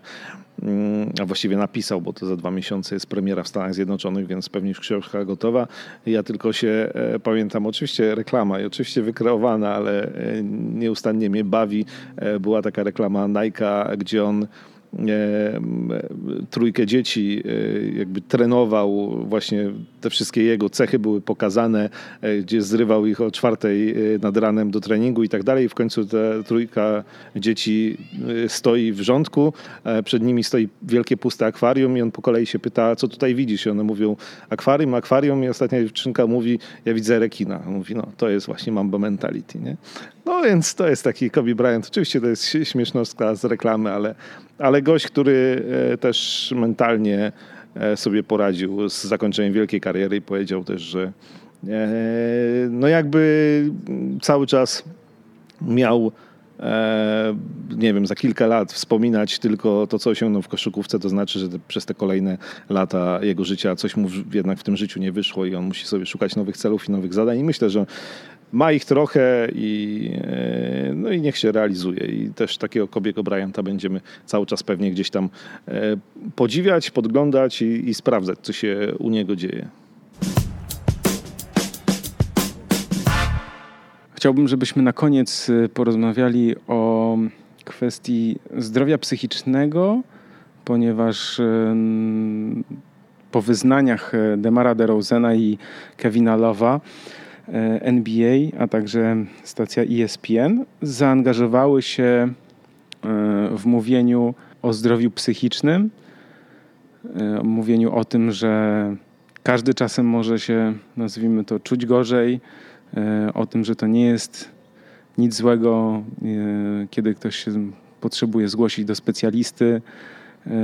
No i co jest najważniejsze, że, że to nie jest powód do wstydu, że że to jest w porządku. No i Kevin Love, kiedy napisał taki słynny już artykuł, gdzie wyjaśniał swoje problemy psychiczne, zatytułowany on był, on był, że wszyscy przez coś przechodzimy i, i zastanawiam się, co, co ty o tym sądzisz w kontekście tego, że, że to jest takie, że to jest przede wszystkim to jest temat tabu, bo wiemy, że no wiele osób gdzieś tam ma czasem jakieś problemy psychiczne, czasem się nie czujemy najlepiej, czasem jesteśmy przygnębieni, czasem też jest, y, dotyka nas depresja, więc jakby to jest, to jest rzecz normalna. Natomiast w NBA to był temat tabu, no bo gdzieś to kreowanie na takich herosów, prawda, takich zawodników, e, sportowców, którzy nie mają prawa mieć słabości psychicznych, tylko no, oni muszą być przecież e, twardzielami, więc tak naprawdę gdzieś jest taki stereotyp, że, że przecież ten sportowiec e, nie może być słaby, e, słaby psychicznie, a tymczasem fakt pewnych problemów nie oznacza, nie oznacza tego, że, że jesteśmy słabi e, i o tym właśnie, o tym właśnie mówi Kevin Love. Czy przede wszystkim problemy ze zdrowiem psychicznym, problemy z depresją, no to jest, to jest wciąż temat tabu generalnie w całym społeczeństwie ciągle się o tym mówi za mało. E, a w świecie sportu, nie tylko w NBA, to jest, to jest w ogóle temat tabu, no bo tak jak mówisz, sportowcy mają być silni, sportowcy nie mają e, mieć żadnych e, słabości. I to oczywiście to jest bardzo dobrze, że NBA się za to wzięła. NBA zatrudniła dyrektora do spraw zdrowia psychicznego i dobrego samopoczucia sportowców, bo tak to się chyba całe to stanowisko nazywa. NBA zapewnia pomoc specjalistyczną. NBA głośno o tym mówi, działa z ESPN i rzeczywiście tam teraz mnóstwo artykułów na ten temat. E, tylko też chociażby Jackie McMullen, czyli swoją drogą autorka e, biografii Shaquille O'Neal'a, o której dzisiaj wspominaliśmy, e, w swoim artykule też mówi, że ciągle trzeba robić jeszcze więcej, bo ciągle to jest temat tabu w szatni. To znaczy Kevin Love, który powiedział tym głośno, który otrzymał wsparcie od władz NBA, od szefów klubów, generalnie od wszystkich, tak, od dziennikarzy, on wciąż e, w szatni niekoniecznie to wsparcie e, otrzymuje. I ciągle wśród koszykarzy, no bo pamiętajmy, że to są E, często młodzi ludzie e, z wielkimi pieniędzmi z różnych środowisk, niekoniecznie zawsze e, jakby dobrze wykształceni, ale to powiedzmy, że wykształcenie nie, nie musi mieć tutaj nic do rzeczy. Chodzi o to, że bardzo różni ludzie, którzy też w pierwszej reakcji raczej mówią, co on wymyśla, co się wygłupia, nie chce mu się grać, za co on zarabia tyle hajsu, a tu jakiś tam, a co, atak paniki w ogóle, o co kaman reagują jak każdy z nas, tak jak każdy, kto nie wie, co to jest depresja, nie wie, co to jest choroba psychiczna, nie wie, że e, każdy może mieć takie problemy. E, no i takie, to, to, są takie reakcje, z którymi e, trzeba walczyć i dobrze, że NBA to robi. Kevin Love stał się takim nieoficjalnym rzecznikiem zdrowia psychicznego sportowców. DeMar DeRozan, o którym wspominałeś, Channing Fry, który też o tym mówił, bo depresja go dotknęła po śmierci rodziców. Ale to jest problem wychodzący daleko poza NBA i problem całego sportu. I to jest też tak, też dlatego NBA dobrze, że o tym mówi, bo najczęściej o depresji mówimy w momencie, jak się wydarzy już coś bardzo złego. To znaczy, jak e, Polski, z Polski najgłośniejszy przykład, czyli Justyna Kowalczyk, jak zdecydowała się opowiedzieć, też sama mówiła, że to była część terapii, o swoich problemach z depresją kilka lat temu Pawłowi Wilkowiczowi e, w słynnym wywiadzie, to było połączenie problemów e, swoich osobistych, własnych, e, strata dziecka, zawiedziona miłość, plus wszystko to, na co narażeni są sportowcy, czyli oczekiwania kibiców, sponsorów, trenerów, jej własne. Życie, które jest zupełnie inne niż nasze, to mówiliśmy o Kobim Bryancie i jego obsesji. Naprawdę to, co przeciętny zawodowy sportowiec ma na co dzień, to my byśmy spokojnie mogli nazwać obsesją, bo to jest życie e, co do minuty zaplanowane, w którym jest mnóstwo ciężkiej pracy i ciężkiego treningu i to wszystko obserwują e, czasami miliony ludzi na całym świecie. I e, jeśli ci idzie, to masz miliony fanów, a jeśli ci nie idzie, to masz też miliony hejterów, a nawet jak ci idzie i masz miliony fanów, to i tak masz, każdy sportowiec będzie miał też i hejterów, którzy ci będą uprzykrzać życie. I to jest naprawdę naprawdę bardzo, bardzo trudne. E, I oczywiście są e, ze świata przypadki, znowu najgłośniejszy, czyli Robert Enke, bramkarz reprezentacji Niemiec, który popełnił samobójstwo. Chociaż e, no, tam też się nałożyły problemy osobiste, bo on stracił córkę, był pod opieką specjalistów. Jego ojciec jest psychologiem sportu, a mimo to Robert Enke, bramkarz reprezentacji Niemiec popełnił samobójstwo, bo, bo nie był w stanie wytrzymać. Lindsey Vonn mówiła o tym, że miała problemy. Generalnie mnóstwo sportowców e, ma problemy z depresją.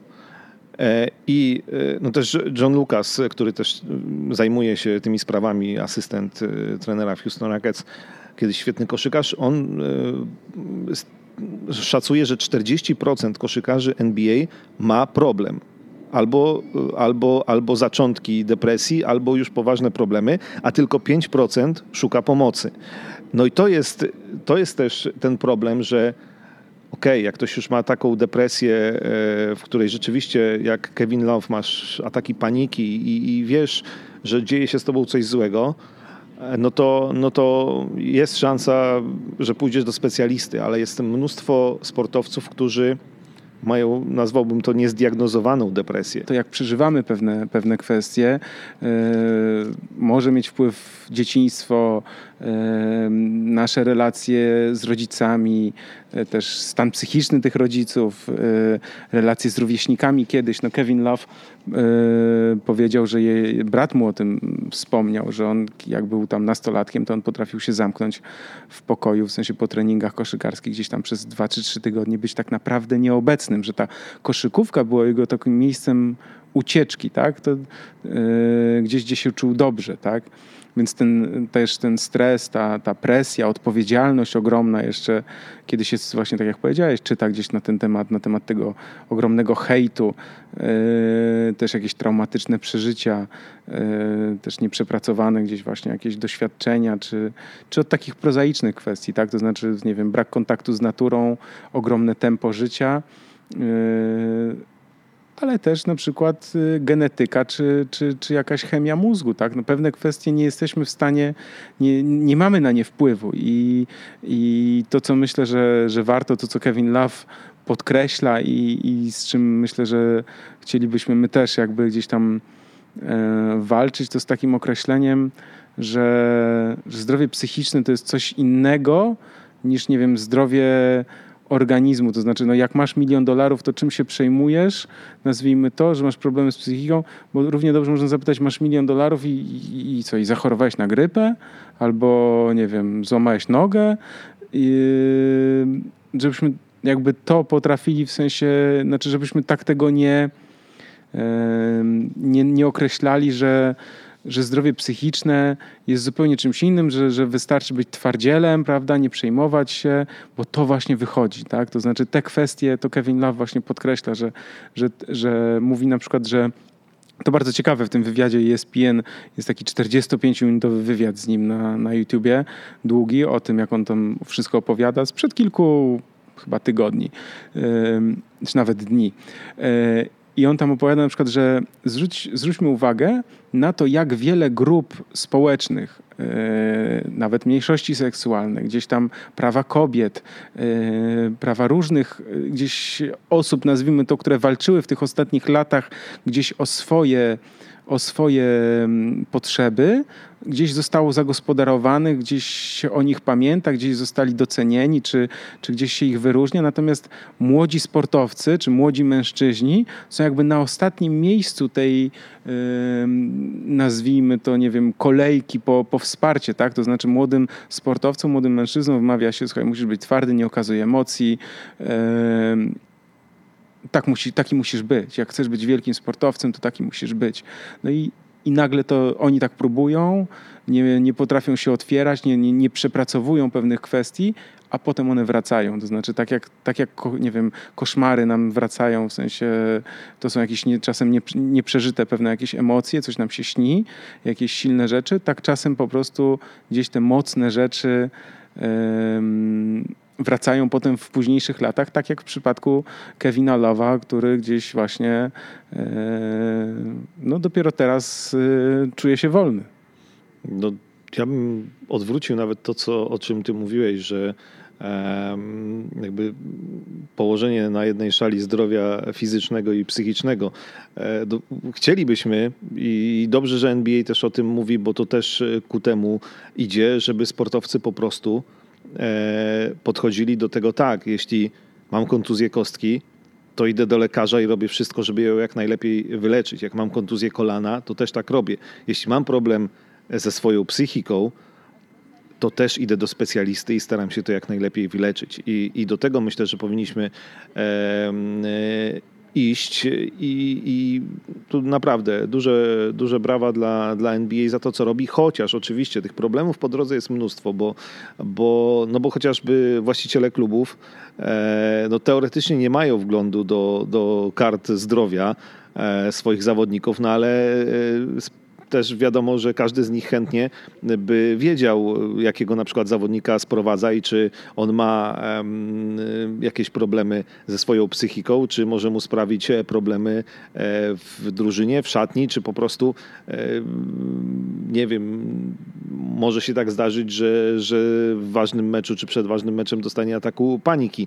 I NBA chce chronić zawodników oczywiście gwarantuje im anonimowość, ale z drugiej strony mamy właśnie właścicieli klubów, którzy, którzy pewnie wszelkimi sposobami będą chcieli gdzieś tam to nawet nie do końca legalnie e, przełamywać. Mamy e, kibiców, e, którzy niekoniecznie zawsze muszą to zrozumieć. Mamy kolegów w szatni.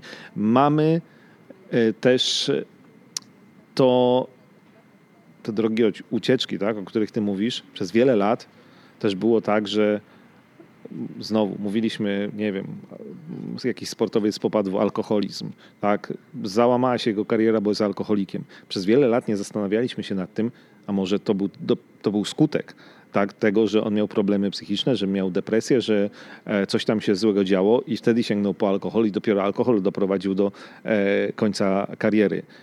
Więc to jeszcze raz, po raz trzeci. Dobrze, że NBA o tym mówi, że zaczęła tę dyskusję że zatrudniła dyrektora do spraw zdrowia psychicznego zawodników, bo może no przede wszystkim specjalistyczna pomoc tak, ale najpierw musimy wszyscy, wszyscy, kibice, sportowcy, zdać sobie sprawę z tego, że to jest normalna choroba. To są normalne choroby, to są normalne sprawy.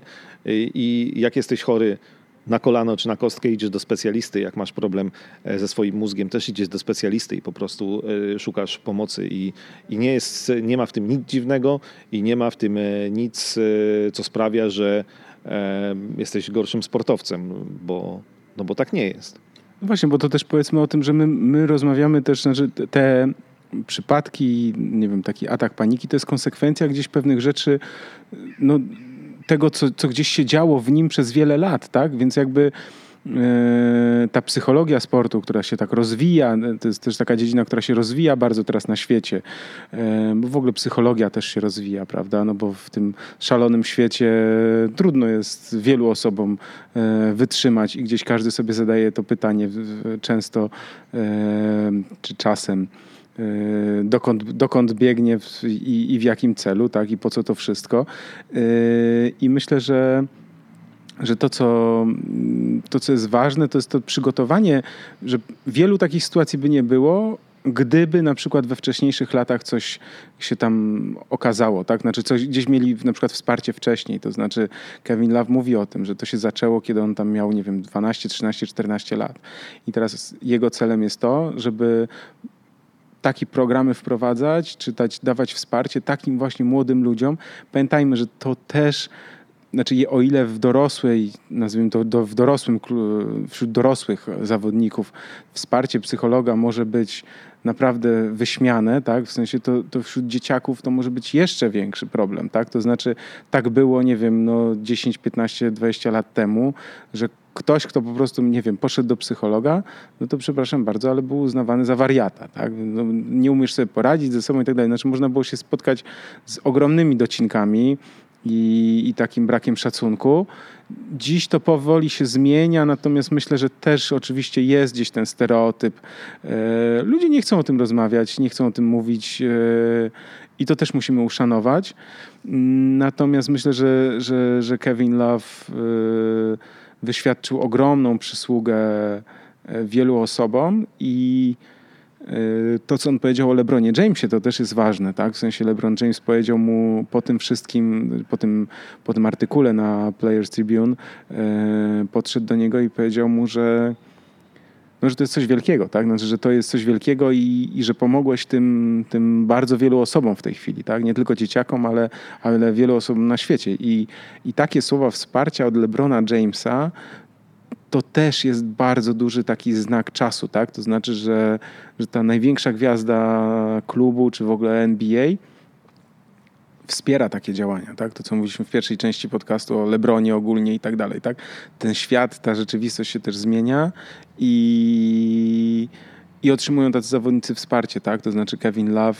Yy, to jest niesamowite, bo to jest też taka, jak dla niego to uwalniające było o to, że to powiedział, bo to naprawdę polecam, żeby posłuchać tego, jak on o tym mówi. E, on mówi, że czuje się wolny. To znaczy, że, że powiedział, że, że, że, że czuje się wolny na tej zasadzie, że nie musi już niczego ukrywać. No a wiemy, że posiadanie wielkiej tajemnicy jest często bardzo bolesne i, i trudne. I że może być sobą, tak? Czyli trochę trochę parafrazując, a raczej wspominając pewien film, że mamusie oszukasz, tatusia oszukasz, ale życia nie oszukasz. I, i, i to tu jest e, to, co on powiedział, że, że można to tłumić, można temu zaprzeczać, ale, ale że najważniejsze jest to dla niego, e, że, że może być sobą, czyli może być autentyczny. I też zresztą Brené Brown jest taka bardzo dobra książka, którą polecam z wielką odwagą e, Brené Brown. E, też właśnie pisze o takim życiu autentycznym, o ludziach, którzy są naprawdę szczęśliwi w życiu. To są, to są właśnie ludzie, którzy są autentyczni, którzy są sobą, którzy nie są gdzieś w tych ramach takich, gdzieś zamknięci. Tak? I, i tutaj Kevin Love też e, no, bardzo dużo o tym mówi. I tych sportowców jest więcej. Myśmy już kilku, kilka nazwisk wymienili. Przypomniał mi się Paul Pierce też, który też wspomina, że on był znowu mm, po tym, jak został ranny, zraniony nożem, to później też mu się zdarzały takie momenty, że wszystko ok, ok, a w ostatniej chwili, jak miał wyjść na przykład do kibiców, to wpadał w atak paniki i po prostu się bał i, i uciekał stamtąd i nagle zaczynał się e, pocić, czość i, i no, to są rzeczy, które rzeczywiście my nie będziemy nazywać tego, ale dobrze, że sportowcy coraz częściej o tym mówią dobrze, e, no właśnie, wracamy do tego Lebrona Jamesa, którego warto słuchać i który dobrze, że robi też coś poza kozłowaniem i poza grą w kosza. E, przypomina mi się to a propos Lebrona Jamesa, bo też mówiliśmy o tym, że wciąż w szatni z tym tematem tabu musi się Kevin Love e, czy inni sportowcy zmagać. To właśnie dobrze, jak taki lider zespołu, czy właściwie lider całej ligi takie słowa skieruje. Przypomina mi się trochę historia Magica Johnsona, kiedy on ogłosił, no oczywiście zupełnie inna skala to była, on ogłosił, że jest nosicielem wirusa HIV, no ale to też pod tym względem potrzebny był gest chociażby Michaela Jordana, który umówił się z nim na trening i przed kamerami normalnie z nim trenował, normalnie się z nim uściskał, pokazał, oczywiście e, pewnie sprawdził wcześniej przynajmniej no, u e, specjalistów, że mu nic nie będzie, chociaż i tak na tamte czasy i na tamtą wiedzę to e, musiał przyjąć, że troszkę ryzykuje, ale pokazał, że pokazał całemu światu, że hej, ten gość jest chory, ale okej, okay, od tego, że go dotknę, to nic mi się nie stanie. I też dobrze, że LeBron James dzisiaj mówi, właśnie takie słowa wspierające Kevina Lowa, bo to e, może znaczyć też prawie tak dużo jak, jak samo wyznanie Kevina Lowa. I jeszcze jedno, bo też mówiłeś o tym, że jakby idziemy w tym kierunku, żeby to, to wszystko spowszedniało, żeby to nie był temat tabu, że psychologowie już pojawili nam się w świecie sportu i współpracują ze sportowcami. Dzisiaj jak ktoś ma psychologa, to jest generalnie ok, jest to normalne, tylko ja mam wrażenie, że w tym momencie jesteśmy w takiej sytuacji, że jakby większość kibiców, jak zapytasz, co robi psycholog, to raczej ma takie wyobrażenie, że to jest gość, który ma ze sportowcem, który na przykład nie wygrywa, albo przestał wygrywać, albo jest w słabszej formie, ma z nim mentalnie popracować nad tym, żeby on był w lepszej formie, żeby zaczął wygrywać, żeby jakby nie ma tej świadomości, że ten psycholog może być też od tego, że ten sportowiec nie jest słabszy na boisku, tylko jest słabszy w życiu, tak? Że niekoniecznie z tym psychologiem sportowiec ma rozmawiać o tym, jak pokonać rywala na boisku, tylko ma porozmawiać o tym, jak pokonać własne słabości czy własną chorobę. I do tego musimy dojść. Właśnie, czyli takie coś, że yy, nie wiem, w przypadku koszykarza, tak, że być może, nie wiem, lęk przed czymś powoduje, przed czymś zupełnie kuriozalnym czasami, tak? Bo czasem zdarzają się bardzo różne rzeczy, tak? To znaczy, no nie wiem, można się bać motyli, no i yy, przepraszam, że taki no, niezbyt mądry przykład, ale chodzi mi o to, że coś zupełnie innego może mieć wpływ na, na naszą karierę, na nasze życie, na nasz, nie wiem, że, że po, po, po, po przepracowanie pewnego tematu nazwijmy to zupełnie niezwiązanego z koszykówką. To mogą być, nie wiem, nawet relacje z rodzicami, tak? W sensie, czy, czy w przypadku osób dorosłych, nawet relacje z rodzicami, których już nie ma, tak? E, którzy odeszli. Gdzieś tam, czy śmierć na przykład bliskiej osoby, tak? To, to, to, potem, to potem się przekłada no, na e, na to, jak gramy na boisku, tak? Więc to, to, to, jest, e, to jest też bardzo ważne. No tak, trzeba być y, twardzielem na boisku, wszyscy od tego, tego od ciebie wymagają, a, a każdy z tych twardzieli ma też y, czasami swoje problemy e, i no i to wpływa. No i rozmawialiśmy dzisiaj o Kobe Bryancie. Zupełnie inne czasy, mm, jak mm, ponad dekadę temu był oskarżony o gwałt e, i, e, i to są też takie problemy, z którymi on sobie poradził, wyszedł z tego. Nikt, jakby wtedy wszyscy emocjonowali się procesem i tym, czy Vanessa go zostawi, czy nie zostawi, jak duży jej, e, znaczy jak pierścionek z jak dużym brylantem jej kupił. Ale to są właśnie takie naj, najbardziej gdzieś tam głośne sprawy, w których trzeba by się za, zastanowić, a jak sobie Kobe Bryant z tym poradził e, psychicznie. No może on jest takim akurat gościem, który, który nie potrzebuje niczej pomocy, a może może, a może e, pomagają mu też psychologowie, nie wiemy tego. E, wiemy, że każdy ze sportowców naprawdę oprócz tego problemu, czy wygra, czy przegra, ma też normalne życie, e, które tak naprawdę do końca normalne nie jest. Normalne pod tym względem, że ma rodzinę, rodziców, e, żonę, męża, dzieci, e, znajomych, ludzi, których lubi, których nie lubi, którzy jego lubią, jego nie lubią, a oprócz tego ma miliony oczu wgapione w siebie i media społecznościowe, na których co chwilę ktoś coś pisze i trzeba sobie z tym wszystkim poradzić i nie każdy z tych często dzieciaków trafiających do zawodowego sportu jest w stanie sobie z tym poradzić.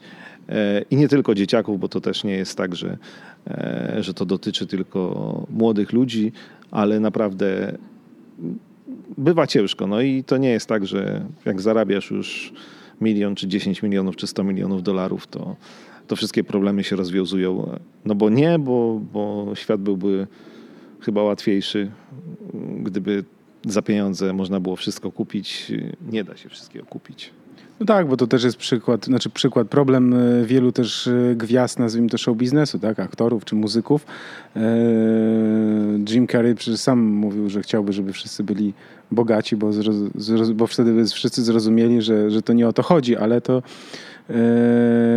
no wiadomo, każdy ma swoje rozterki.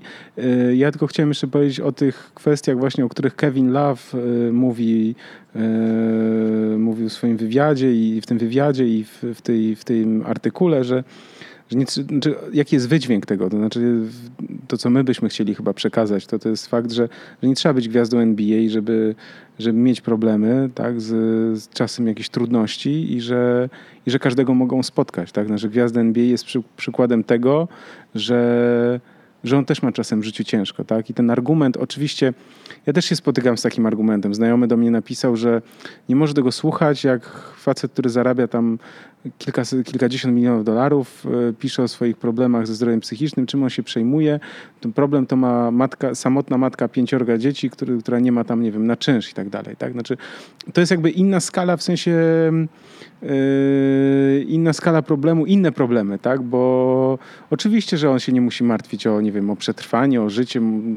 Tak naprawdę no, ma zagwarantowany byt do, do końca życia, tak? Każdy, z, większość z tych zawodników NBA, yy, tych najlepszych, tak? Tylko tu chodzi właśnie o inną kwestię, tak? To znaczy te problemy psychiczne mogą spotkać każdego, tak? To znaczy to, to te trudności, nazwijmy to życiowe, presja, tak, tak wiele rzeczy może spotkać każdego i myślę, że to, to, co, to jest właśnie to, co mówi Kevin Love i, i to, co potem dostał taki no, feedback, na, na, nazwijmy to, na, na, na, ten, na, na to, co zrobił, tak? To znaczy, że on to sam podkreśla, że, że nie musisz być idealny, tak? To znaczy, że, że, że, że żeby nie wierzyć też, oczywiście on mówi, żeby nie wierzyć w to, co ludzie mówią w mediach społecznościowych, to też powoduje w sensie u młodych ludzi pewne jakieś takie e, poczucie, że oni powinni być jacyś tam, no bo ktoś tam wrzucił jakieś zdjęcie czy coś, tak?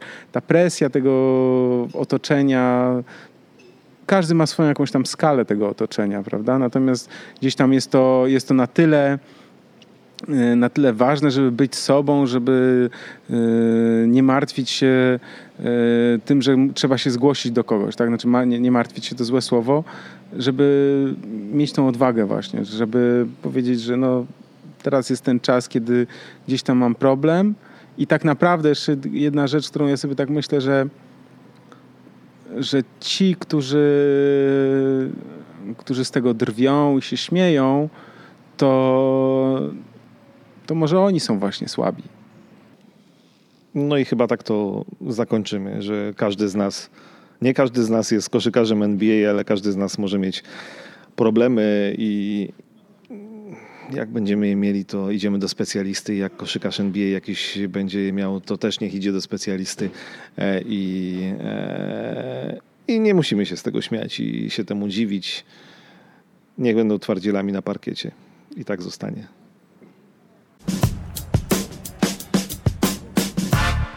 To już koniec e, tego odcinka podcastu ProBasket. E, ja nazywam się Michał Pacuda, był ze mną dzisiaj Krzysztof Sendecki z Radia Z. Dziękuję bardzo. Dziękujemy, że wysłuchaliście nas e, dzisiaj i mamy nadzieję, że już niebawem będzie kolejna okazja do posłuchania podcastu ProBasket. Dziękujemy bardzo. Do usłyszenia. Do zobaczenia.